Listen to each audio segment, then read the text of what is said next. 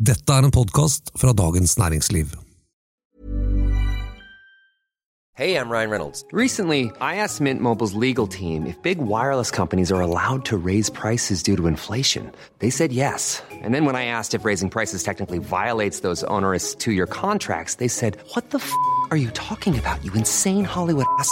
F- So to recap, we're cutting the price of Mint Unlimited from $30 a month to just $15 a month. Give it a try at mintmobile.com slash switch. $45 upfront for three months plus taxes and fees. Promo rate for new customers for limited time. Unlimited more than 40 gigabytes per month. Slows. Full terms at mintmobile.com. Vet du hva jeg åt i helgen? Nei. Helt fantastisk kjøtt. Det beste veggien jeg har smakt utenfor Japan. Kommer fra Norge. Rød gård utenfor Brumunddal. Å, herregud, hva drakk du til? Det ble en Chambol Musigny fra 2014 og Angro. Helt fantastisk kombo. Hei, kjære lytter, og hjertelig velkommen til nok en utgave av Jeg kan ingenting om vin. Og velkommen til damen med profesjonell spyttebakk, Merete Bø. Takk. Du, har du forresten sånn fancy spyttebakk, eller bruker du bare som bøtte? Jeg har fancy spyttebakk. Har du sånn derre grå sånn, som ser ut som en sånn urne? Men du må jo være veldig fortrolig med spyttebakk, du som drikker lite. Ja, men vet du hva? Jeg har faktisk et litt anstrengt forhold til det, fordi da jeg gikk på vinkelnerstudiet, da smakte vi jo, det vet du jo, ikke sant? da smaker vi jo hele dagen. Og da satt vi sånn auditorie ute på Kulinarisk akademi der, hvor det var sånn veldig skrått oppover. Ja. Og på det studiet så var det jo en del unge folk, og på fredager så var det jo mange av dem som slutta å spytte sånn etter lunsj. Så det ble jo bedre og bedre stemning utover på fredagen. Men det ble såpass god stemning en fredag der at en av de som satt på bakerste rad, han klarte å tippe den derre spyttebakken sin forover, så den bare rant ned i nakken på den personen som satt foran. Det er helt sinnssykt. Altså, det traff ikke meg, men når du har sett et annet menneske få en tre kvart liter med sånn gøgg som det der ned i nakken, da blir du litt ydmyk i møte med en spyttebakk. Men i dag så tenkte vi at vi skulle prate om druen Chenin Blanc. Og det er opprinnelig en fransk drue, men den første Chenin Blanc-vinen jeg drakk, det var eh, en vin fra Sør-Afrika, og det var én av de vinene som virkelig vekket vininteressen hos meg. Eh, hva er forresten ditt forhold til eh, Chenin Blanc, Merete? Eh, jeg har ikke så romantisk forhold til det som deg, og jeg må si at jeg har veldig lite Chenin Blanc i kjelleren. Eh, Men Chenin Blanc kan gi noen helt fantastiske viner i verdensklasse. Jeg husker når jeg vokste opp på eh, Voss eh, og begynte å drikke vin sånn, litt, på en litt annen måte enn det en drikker i dag. Jeg drakk for å bli berusa. Så drakk jeg faktisk Chenin Blanc. Du gjorde det? Ja, jeg drakk ikke Liv fra Milch, sånn som mange, eller Peach Canai, sånn som mange av de andre gjorde. Jeg fant en Chenin Blanc fra Frankrike som jeg syntes var veldig god. Den var ikke spesielt dyr, og den ble eh, Kanskje derfor. Kanskje jeg har drukket litt mye Blanc. Her ser du hvor forskjellig psykologisk anlagt vi to er, fordi det var kanskje den første for oss begge, men for meg så betyr den første veldig mye, mens i ditt liv så betyr den første ingenting. Ja. Nettopp. Så forskjellig kan man være. Ok, men du, jeg tenkte at vi skulle fokusere på to viktige områder eh, der den druen dyrkes. Og Merete, det er da Loire, først og fremst, og Sør-Afrika. Ja, da er det flere steder i Sør-Afrika, men da i Loiredalen i Frankrike du mener. Og det er ganske kult at det er liksom et distrikt i Frankrike og et helt land. Altså At det er så stor, og de ligger så langt ifra hverandre, men druen er like viktig på en måte begge plasser. Så i dag så skal vi altså snakke om druen Chenin Blad, en viktig drue i mitt liv. Ikke så viktig i Meretes, men hun anerkjenner likevel at den har sine kvaliteter. Og Merete, du skal selvfølgelig da komme med anbefalinger på de beste kjøpene, som alltid. Eh, Og alle vinene de finner du i episodeinfoen, så det er som vanlig ikke noe behov for å sitte med penn og papir. Kanskje starte med å snakke om hva slags klima den trives best i, da. Ja, den liker seg best i kjølig klima, eh, definitivt. Eh, men i Sør-Afrika så ser du litt at den òg kan vokse i ganske varmt klima, sånn som i Svartland og sånn. Eh, men jeg syns heller vel en knapp på de som vokser i kjølig klima sånn generelt. ja. Men de, det fins også kjøligere deler i Sør-Afrika der de dyrker den?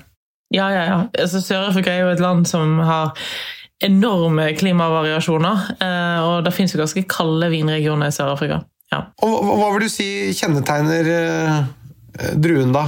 Den er jo egentlig ganske kul drue når du tenker deg om. Den kan være både søt og den kan være både tørr. Eh, Den er veldig lagringsdyktig. Det du mener er at det lages både tørre og søte viner av den druen? Ja. Og den er veldig lagringsdyktig. Den kan ligge i 100 år, og den kan drikkes ungt. Det er jo en av de viktigste, en av de kvali mest kvalitetssterke hvitvinsdruene vi har. Men jeg har en tendens til å glemme den litt sjøl, for å være helt ærlig. Hvordan syre gir den, da, og alkohol og fylde og sånn? Veldig frisk syre, veldig bra syrestruktur. Syrenivået minner litt om Riesling. Har en veldig fin evne til å få karakter av der han vokser. Eh, Den eh, er mineralsk og flott, eh, og når han er ung, så lukter han ofte litt sånn grønn eplekart, flint. Men med en gang han får litt alder, det skal ikke mye til, så får han en veldig lett gjenkjennelig karakteren av våt ull. det, Lukter en vin våt ull, så er det Chenibla.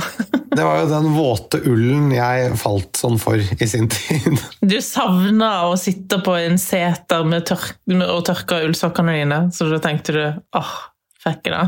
Det er ikke først og fremst det jeg forbinder med den druen. Jeg, jeg må si Det er mer de fruktige aromaene. Den har jo litt sånn steinfrukt øh, ofte og sånn, har den ikke det? da? Jo, jo, jo. Litt sånn gul steinfrukt, eh, absolutt. ja. Når du sier at den både brukes tørr og søt, og at den er såpass anvendelig, så det høres jo litt ut som en, øh, en potet. Det er en, eh, det er en potet.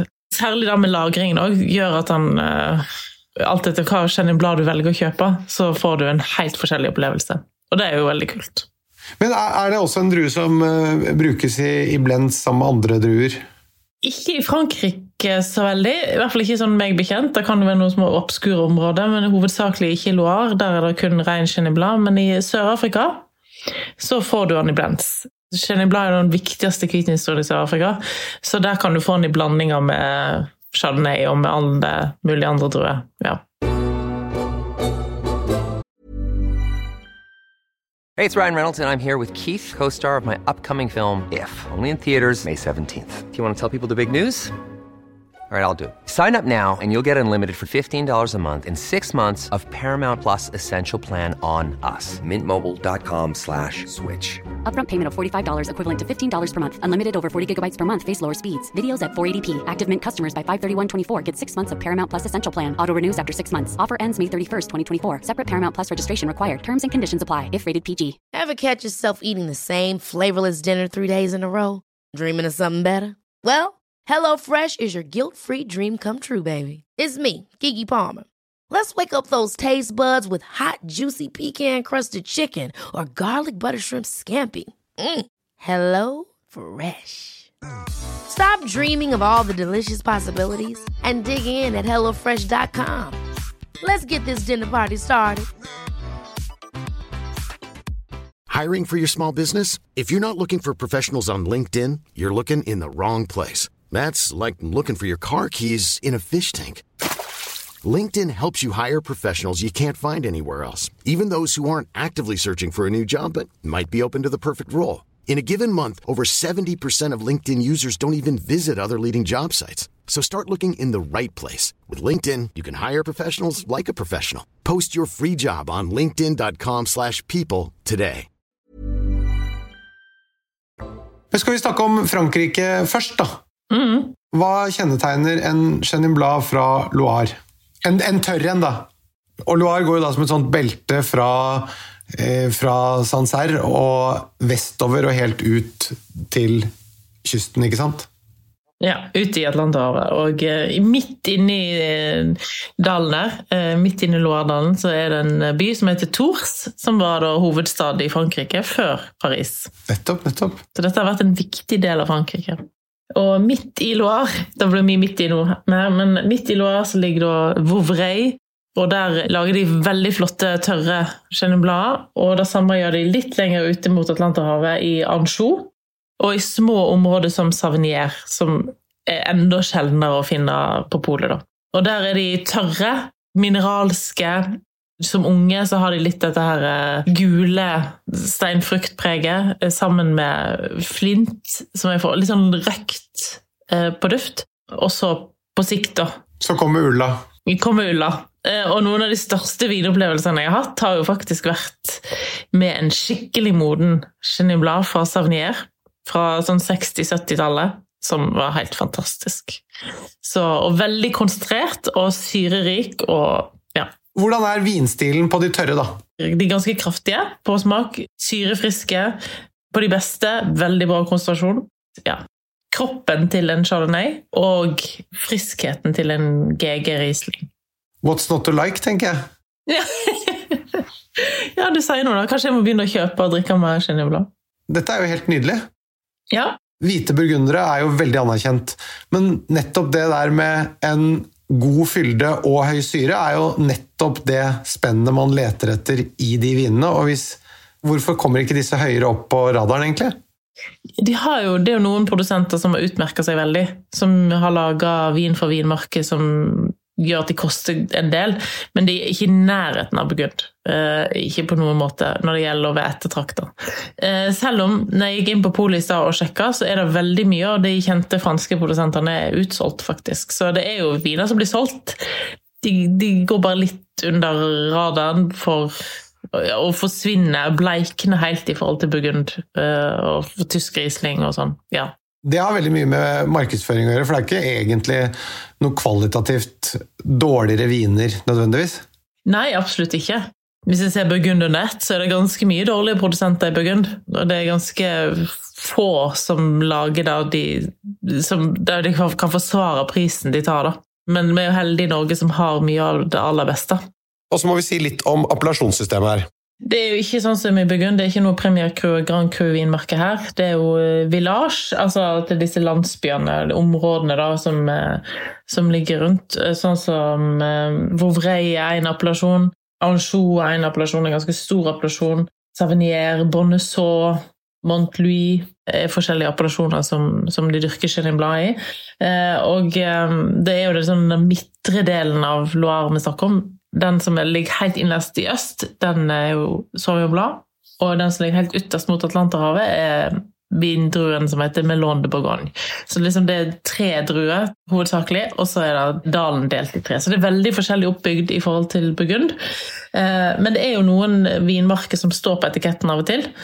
Eh, den mest kjente, uten tvil, er Collet de Serran, som er laga av en produsent som heter Nicolas Jolie. Eh, og er nok kanskje den vinen Hvis det skulle kommet en Grand Cru i Loire på Chenin så hadde det vært den. Uten tvil. Og det er den mest kjente, eller den eneste kjente vinmarken der? Det er ikke den eneste kjente, men det er den mest kjente. Det er Romane Contien i Loire, da. Er disse vinene de dyreste Chenin fra Frankrike? Ja. Eh, I hvert fall hvis du får tak i de gamle. Hvis du noensinne, noen som hører på, eh, får tak i en gammel Collet de Serrat Eh, før eh, slutten av 80-tallet kjøp og drikk. Hva koster en sånn flaske? Når jeg drakk de på restaurant, eh, når de var lettere å få tak i, så betalte jeg sånn 700-800-900 kroner. I dag er det nok ganske mye mer enn det. Ja, Hvor mye da? Jeg veit ikke, men, og det kommer an på du er i Norge eller utlandet. Men du kan jo kanskje, hvis du finner de på et kart i Norge Jeg er usikker på hvor det skulle vært, men noen 3000-4000 eller noe sånt på et vinkart i Norge. På Voss, kanskje? Ja, for det, når jeg eh, jobber jo uh, oppvokst på Voss og jobber på Parkhotell på Voss, og der husker jeg vi solgte de for 775 kroner. 1983-årgangen. Helt fantastisk vin. Men er den lagret på fat? Den er lagret på fat, ja. Men du får ikke sånn fatkarakter. Det er da vi kjenner Blad. Den får sjelden en sånn veldig tydelig fatkarakter. Den, eh, den, det, er ikke, det, er ikke, som en burgund, på en måte, som har den nøtteaktig toastpreget. Den er mer en Her er fatet mer enn eh, Gir en litt mer sånn krema-smak, og, og, du kjenner ikke fatet på duften så mye som i Burgund, vil jeg si. Hvor mye koster disse flaskene nå, da, på polet? Nei, En ung Collet de er vel en, ja, rundt 1000 kroner. Ja. eh, tipper jeg. Er det noen andre produsenter du vil anbefale herfra? da? En som er tilgjengelig for øyeblikket, som er veldig up and coming. Første gang jeg smakte den, så holdt jeg på å dette av stolen. over på et spesialslippsmaking til Vinmonopolet. Det er Thibault eh, Bourdignon. Han er ung, flink, og han lager vin i ansjos. Jeg drakk faktisk den forrige helg. Eh, ansjos Blad eh, fra han er i 2019-årgang. Dødsgodt. Virkelig godt. Kult. Den tror jeg jeg drukket i en litt tidligere årgang. Jeg husker den som en veldig kul vin. Og det koster sånn 300 kroner, og det er veldig, veldig bra vin. Og så er det en annen produsent som også er en sånn klassiker eh, som en må få med seg på et eller annet tidspunkt, eh, tenker jeg, hvis en er interessert i vin, og det er Huet. Huet er en produsent som eh, lager Vouvray.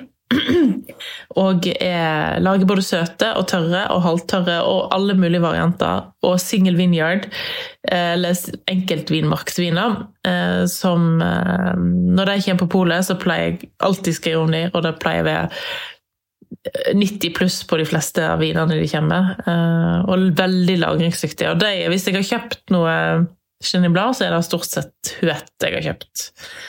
Og de kan, På tids, noen tidspunkt gjennom de siste årene så har det også kommet gamle viner for Vett tilbake til 60-tallet. Tilgjengelig på polet, og det er ganske kult. Da skal vi over til å snakke om Chenin Blanc fra Sør-Afrika. Merete, kan ikke du si litt hva som kjennetegner en Chenin Blad fra Sør-Afrika? Det er litt sånn rart at de har omfavna den druen her så enormt. Chenin Blad i Sør-Afrika har jo blitt den viktigste druen i hele Sør-Afrika. Den er den mest planta druen eh, uten tvil. Den liksom, har dobbelt så mye som, eh, som drue nummer to på lista. Eh, og så har de laga et eget navn på Chenin Blanc i Sør-Afrika. Husker du hva det er? Sten. Sten.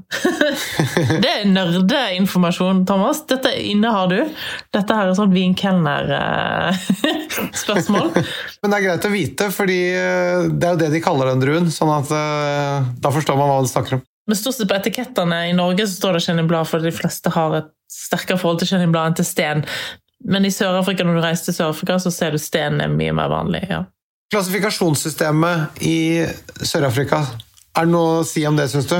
Nei, altså, jeg skal ikke si at det ikke står vinmarksnavn på etikettene, men det er vel veldig sjelden at det gjør det. Eh, det er jo eh, produsentene som er viktigste her, og så er det jo greit at det kommer fra et forholdsvis kjølig område, vil jeg si. Så, så langt sør som mulig i Sør-Afrika. Ja. Jeg vil si at produsentene er det viktigste. Definitivt her. Men hvor godt lagrer de eh, i forhold til de franske, da? Jeg tipper at de franske lagrer mye bedre. Nå har jeg ikke testa ut å lagre de sørafrikanske sjøl, og ikke har en, noen erfaring med det heller. For på en måte sørafrikansk vinindustri kom jo Selv om de har lagd vin der siden 1600-tallet, så tok det liksom ikke seriøst av før etter apartheid-regimet forsvant. Og de fikk lov å eksportere vinen sin. Så en veit vel egentlig ikke helt hvordan jeg skal lagre. Men jeg, det var ikke akkurat det jeg hadde putta i kjelleren og tenkt at jeg skal åpne om 40 år. Men jeg har ikke noe problem med å gjøre det med en Vovrei fra Huet, f.eks. Jeg skjønner. Altså, de mest kommersielle i Sør-Afrika lager Chenin Blanc på ståltank og er ganske sånn straight forward, lett hvitvin. Uh, uten noen sånn kjempekarakter, egentlig. Egen karakter. Bare frisk og fruktig og, og fin.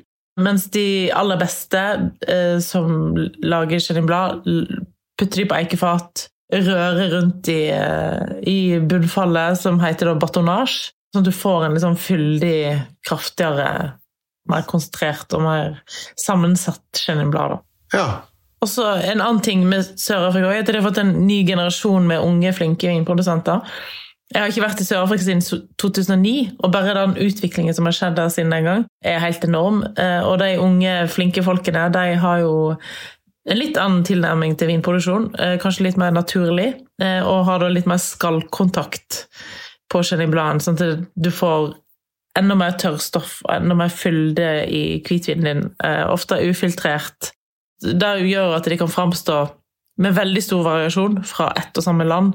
Altså fra den ståltank kommersielle Chenin til Chenin til litt mer naturvin skallkontakt Ja, nettopp. Og sånn generelt så kan vi jo gjenta det at, at eik er jo noe som vinprodusenter ofte bruker hvis de føler at druematerialet er bra nok, og, og noe som ofte er på de litt mer eh, hva skal vi si, eksklusive kuveene. da. Mm. Men du, eh, hva koster en klassisk godt produsert eh, kvalitets-Chenin fra Sør-Afrika? da? Du kan få de ned i eh, rett i overkant av 200 kroner, men de fleste sånn topprodusenter ligger sånn 300-400, kanskje opp i 500, noe sånt. Og noen høyere enn dag. De er såpass ettertrakta, mange av de, og de blir sånn kultprodusenter, nesten. sånn at de får liksom De forsvinner stort sett ut fra Vinmonopolet med en gang de kommer inn. Hva er det vi skal kjøpe her, da? Nei, Nå kommer vi til å snakke om produsenter, ikke konkrete viner, for flere av disse produsentene har flere viner eh, tilgjengelig, og, og, noen er jo konstant utsolgt, sånn at du må vente til de blir tilgjengelige. Og så sjekka jeg òg hvor mange Chenin-blad på Vinmonopolet som fantes Ja. totalt, laga på Chenin-blad, og det er da litt over 200 stykker totalt fra hele verden. Så det er ikke så veldig masse, faktisk. Og, og akkurat for øyeblikket så var det faktisk best utvalg fra, Ja. fra Sør-Afrika. Bedre enn fra Frankrike. Jeg liker veldig godt eh, Rats. Ganske sånn syrefriske, stramme, flotte. Kanskje litt mot det kommersielle holdet. En annen kommersiell produsent som heter Watercloof. De er ikke så dyre, smaker veldig godt, har veldig sånn klart, flott druepreg. Og Miljø, ekteparet Miljø, var faktisk en av de som jeg mm, besøkte når jeg var i Sør-Afrika. Og da hadde de nett starta opp i 2009, og de er en av de mest talentfulle produsentene i Sør-Afrika, vil jeg si. Og så har du Johan Reinecke, som lager veldig flotte og økologisk dyrka eh, viner. Eh, og så har du litt mer naturvinsprodusentene, som Allheit, Alheit, Craig Hawkins på Testalonga, som Rall, som Science of Sinai, og ikke minst Ibn Saidi, som eh, er kanskje en av de mest berømte vinprodusentene fra Sør-Afrika for øyeblikket.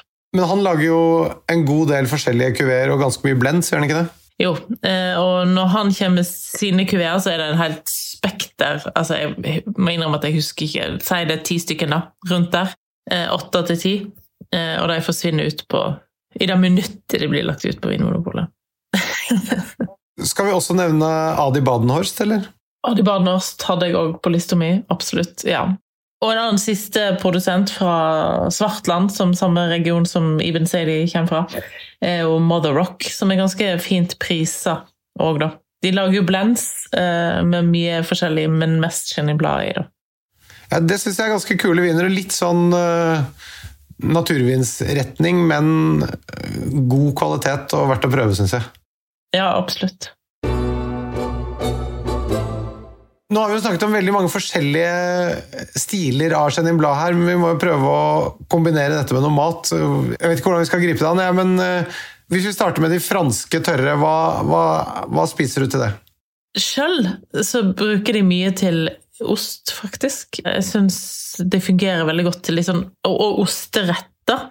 Tart flambé, for eksempel, altså, som er da en tynn, tynn deig, altså nest, fransk pizza da, med ost og hvit bunn og sånn, syns jeg kan være veldig godt sammen med Særlig hvis de er litt modne.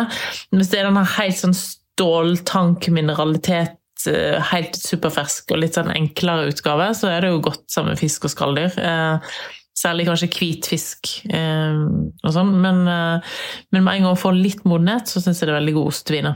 Ja. Hva tenker du om de sørafrikanske eikelagrede? da? Ja, Der òg er jeg litt sånn på oste, ostefronten. Og så er det jo disse naturvinutgavene, som blir litt sånn modne i frukten og sånn, tenker jeg òg fungerer godt til soppretter og litt sånn vegetariske retter med hovedsakelig med sopp. Ja. Er det noen andre områder eller land som dyrker chenniblad som vi bør nevne her, eller? Det er jo hovedsakelig Frankrike og Sør-Afrika, men USA har faktisk litt Chenin Og det er to produsenter som er tilgjengelige nå på polet. Og den ene er Brooksellers, som vi har snakket om før. Oi! De lager også Chenin Blad? Jepp. Eh, og så er det en som heter Bård Rivage. Dette er Chenin Blad, laga av en vinjournalist. Han jobber i USA, men bor i Burgund. Skriver bare om Burgund. Han sitter i Burgund og smaker vin med vinprodusentene i Burgund, og det er gamle viner du bare kan drømme om å smake. Og han heter William Kelly og skriver for jeg tror det er The Wine Advocate. Og så har han laga sin egen vin i USA som heter Borivage, og er laga på Chenin Blå. Så den, eh, og den koster ikke så mye. 260-70 kroner. Jeg syns det er et veldig godt kjøp. Og helt til slutt, hva slags glass skal vi drikke Chenin Blana, Merete? Jeg bruker Riesling-glass på de ferske. Sånn smalt, standard hvitvinsglass. Men når de blir store eikelagra og eh, gamle, så kan du godt ta Chardonnay-glasset fram. Det er store, litt, eh, som minner litt om et rødvinsglass. Og så må jeg selvfølgelig spørre deg, har du en vin til under 200 kroner som du anbefaler? Mulnieu har en Kloof Street fra Svartland som koster rett under 200 kroner. 196. Jeg merker at det å få deg til å bøye nakken og gå under den 200-lista, det blir vanskeligere og vanskeligere. Det er vondt å bøye nakken. Til høsten av så kan det hende at vi må rett og slett tenke en slags konsumprisindeksjustering på anbefalingen her, at vi skal øke lite grann. Så ikke vi må sende deg til fysioterapeut hele tiden. Den nakken den begynner å bli seig å bøye, det merker jeg. Jeg kan ikke anbefale noe jeg ikke kan stå inne for. ikke sant? Nei, jeg vet, jeg vet, jeg vet. Dette refrenget har jeg hørt. Mm. Ok, Kjære lytter, hvis du har spørsmål eller kommentarer til podkasten vår, send en mail til vin.dn.no. Denne podkasten er produsert av Feelgood for Dagens Næringsliv, og takk for i dag, Merete. Takk for i dag. Vi snakkes igjen om en uke. Har de mer av det kobekjøttet, eller? Nei. Hele dyret forsvant. Det kommer et nytt dyr som skal slaktes. For Annis pølsemakeri i mathallen. Og det som er kult med det kjøttet, er jo fettet. Flere meter, og det er jo omega-3. Herregud, det er dødsgodt, og så er det som å drikke en halv flaske tran til middag. Det blir jo ikke bedre. Ever catch yourself eating the same flavorless dinner three days in a row? Dreaming of something better? Well, HelloFresh is your guilt-free dream come true, baby. It's me, Kiki Palmer. Let's wake up those taste buds with hot, juicy pecan-crusted chicken or garlic butter shrimp scampi. Mm. Hello Fresh. Stop dreaming of all the delicious possibilities and dig in at HelloFresh.com. Let's get this dinner party started. Mom deserves the best, and there's no better place to shop for Mother's Day than Whole Foods Market. They're your destination for unbeatable savings, from premium gifts to show-stopping flowers and irresistible desserts. Start by saving 33% with Prime on all body care and candles. Then get a 15-stem bunch of tulips for just $9.99 each with Prime. Round out Mom's menu with festive rosé, irresistible berry chantilly cake, and more special treats. Come celebrate Mother's Day at Whole Foods Market. Hey, it's Paige DeSorbo from Giggly Squad. High quality fashion without the price tag. Say hello to Quince. I'm snagging high-end essentials like cozy cashmere sweaters, sleek leather jackets, fine jewelry, and so much more. With Quince being 50 to 80% less than similar brands. And they partner with factories that prioritize safe, ethical, and responsible manufacturing. I love that. Luxury quality within reach. Go to quince.com slash style to get free shipping and 365 day returns on your next order. Quince.com slash style. Du har nå hørt en podkast fra Dagens Næringsliv.